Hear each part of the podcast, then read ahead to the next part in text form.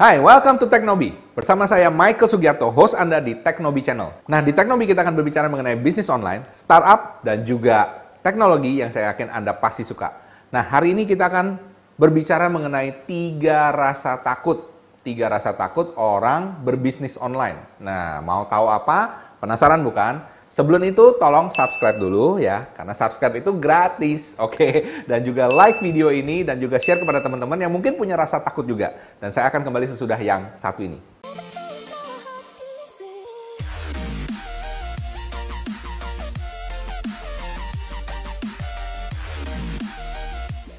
Hari ini saya akan berbicara mengenai tiga rasa takut Waduh, tiga rasa takut apa? Tiga rasa takut berbisnis online. Nah ini menarik sekali karena saya uh, pada saat saya browse-browse di komen, ternyata saya ketemu ada beberapa nih yang mengenai masa, masalah takut ini. Dan actually kemarin juga saya ketemu salah satu orang yang juga punya masalah yang sama. So I think ini merupakan suatu masalah yang real ya, saya perlu diskusiin. Nah, oke. Okay. Ini dari no name, oke. Okay. Pak, Cara menghilangkan rasa takut pada persaingan bisnis gimana caranya? Jadi, rasa takut pertama adalah gimana caranya menghilangkan rasa takut dengan kompetitor? Well, pertama saya mesti share dulu kepada Anda.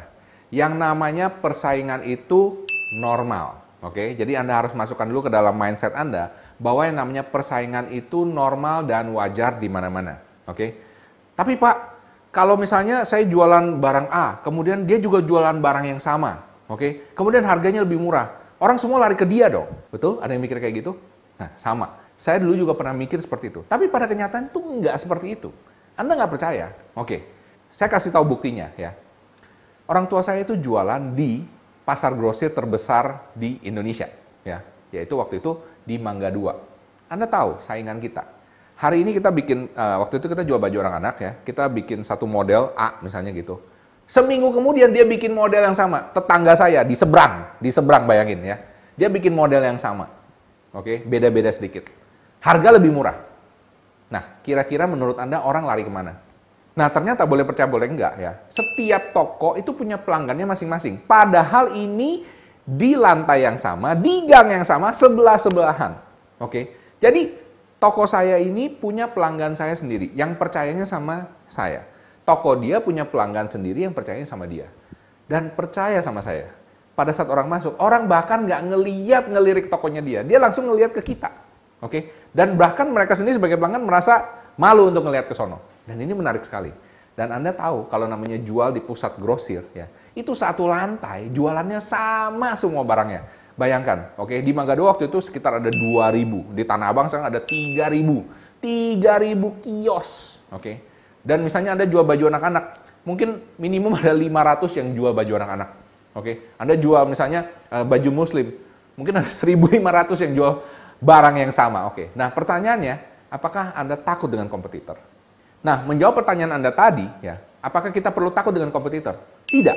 Oke, pertama, ya, karena itu kompetitor itu hal yang normal, ya. Anda pasti ditiru, Anda pasti bikin sesuatu hal yang baru. Oke, jangan takut ini sama seperti Nadim Nakarim juga dia pernah ngomong, orang bisa copy ide bisnis Anda, tapi mereka tidak bisa copy etika bisnis Anda.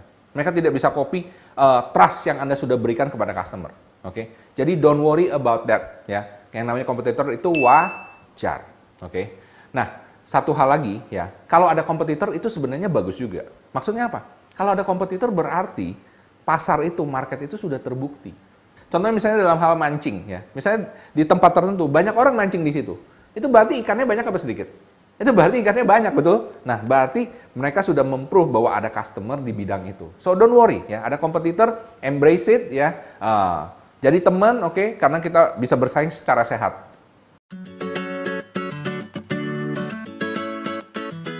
Oke, rasa takut yang kedua. Ini dari Devi Sylvia. Bagaimana cara menghilangkan rasa takut untuk memulai suatu usaha? Waduh. Jadi rasa takut kedua adalah rasa takut untuk memulai usaha. Oke, ini langsung straight to the answer ya. Kalau Anda takut memulai usaha, problemnya ya adalah bukan usahanya yang kita takutin biasanya, betul? Ya, problemnya ada di kita sendiri. Biasanya gini ya, orang takut itu karena dia tidak tahu. Contoh misalnya seperti ini. Anda pernah misalnya di rumah mati lampu, gelap gulita, nggak bisa lihat apa-apa. Coba, Anda takut nggak pada saat Anda berjalan? Takut kan? Karena kenapa? Anda takut nubruk, betul kan? Takut nubruk, takut jatuh, takut luka dan lain sebagainya. Betul? Anda sudah mikir, aduh takut jatuh dari tangga misalnya kayak gitu, karena nggak bisa lihat, ya kan? Itu yang membuat orang takut. Ketidaktahuan yang membuat orang menjadi takut.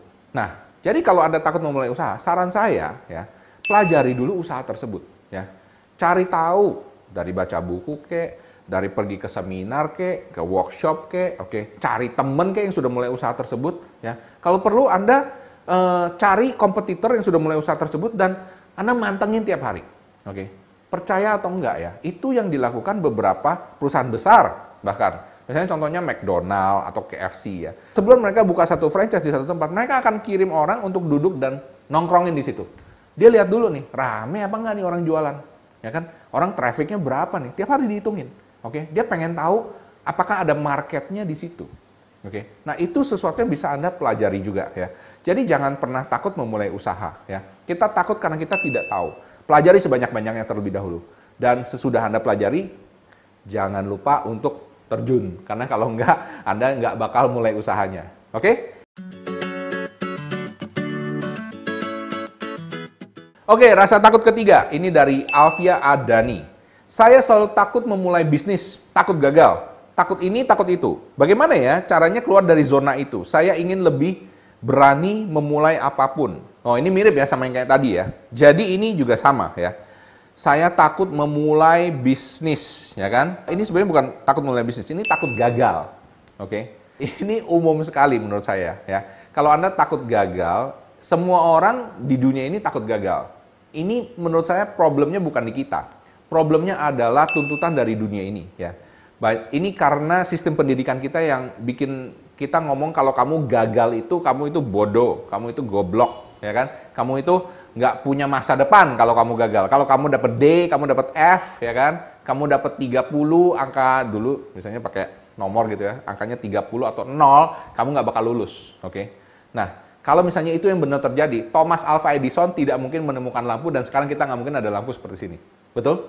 Karena kenapa? Dalam perjalanan bisnis atau dalam perjalanan hidup kita, kita yang namanya gagal itu normal. Sekali lagi ya, yang namanya gagal itu wajar. Itu adalah suatu proses.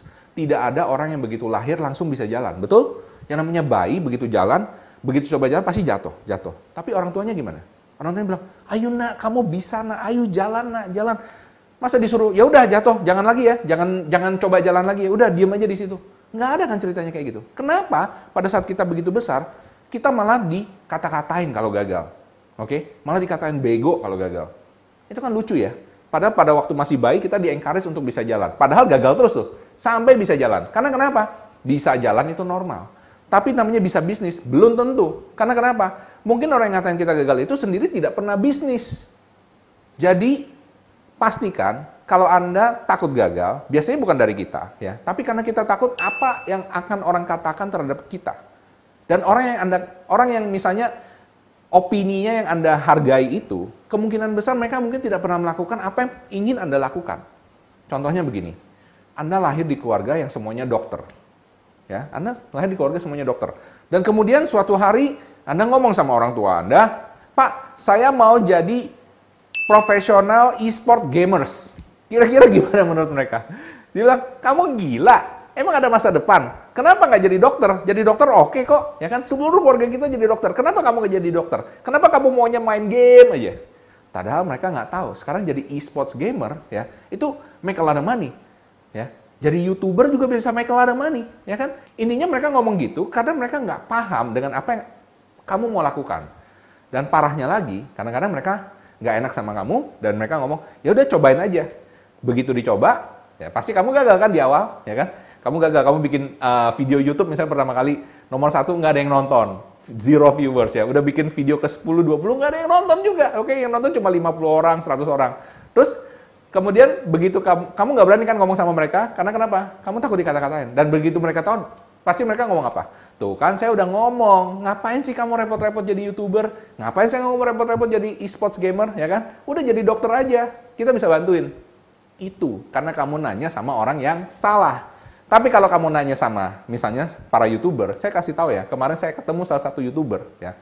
Dia 8 bulan udah full time YouTuber. Subscribernya tebak ada berapa? 8 bulan ngerjain. baru ada 200. 200. Tapi kalau Anda lihat sekarang subscribernya sudah hampir 500 ribu. Wow. Tapi itu dimulai dengan 8 bulan hanya punya 200 subscriber. Saya pada saat sekitar 4 bulan cuma punya 1000 subscriber, saya udah ngoceh. Dia 8 bulan cuma 200 subscriber, dia masih jalanin. Coba bayangin. So, apa itu nggak takut gagal? Ya, Jadi intinya, jangan takut gagal. Tanya sama orang yang benar. ya. Saya harap video ini bisa membantu Anda supaya tidak takut lagi. Tapi kalau Anda masih takut-takut, tolong tulis di komen di bawah ya. Takutnya apa sih? Saya akan bahas di video selanjutnya. Oke? Silakan like dan subscribe uh, YouTube Teknobi channel ini. Dan jangan lupa juga share kepada teman-teman yang saya yakin mungkin mereka juga memerlukan motivasi untuk bisa keluar dari rasa takut ini. Oke? Salam hebat, luar biasa.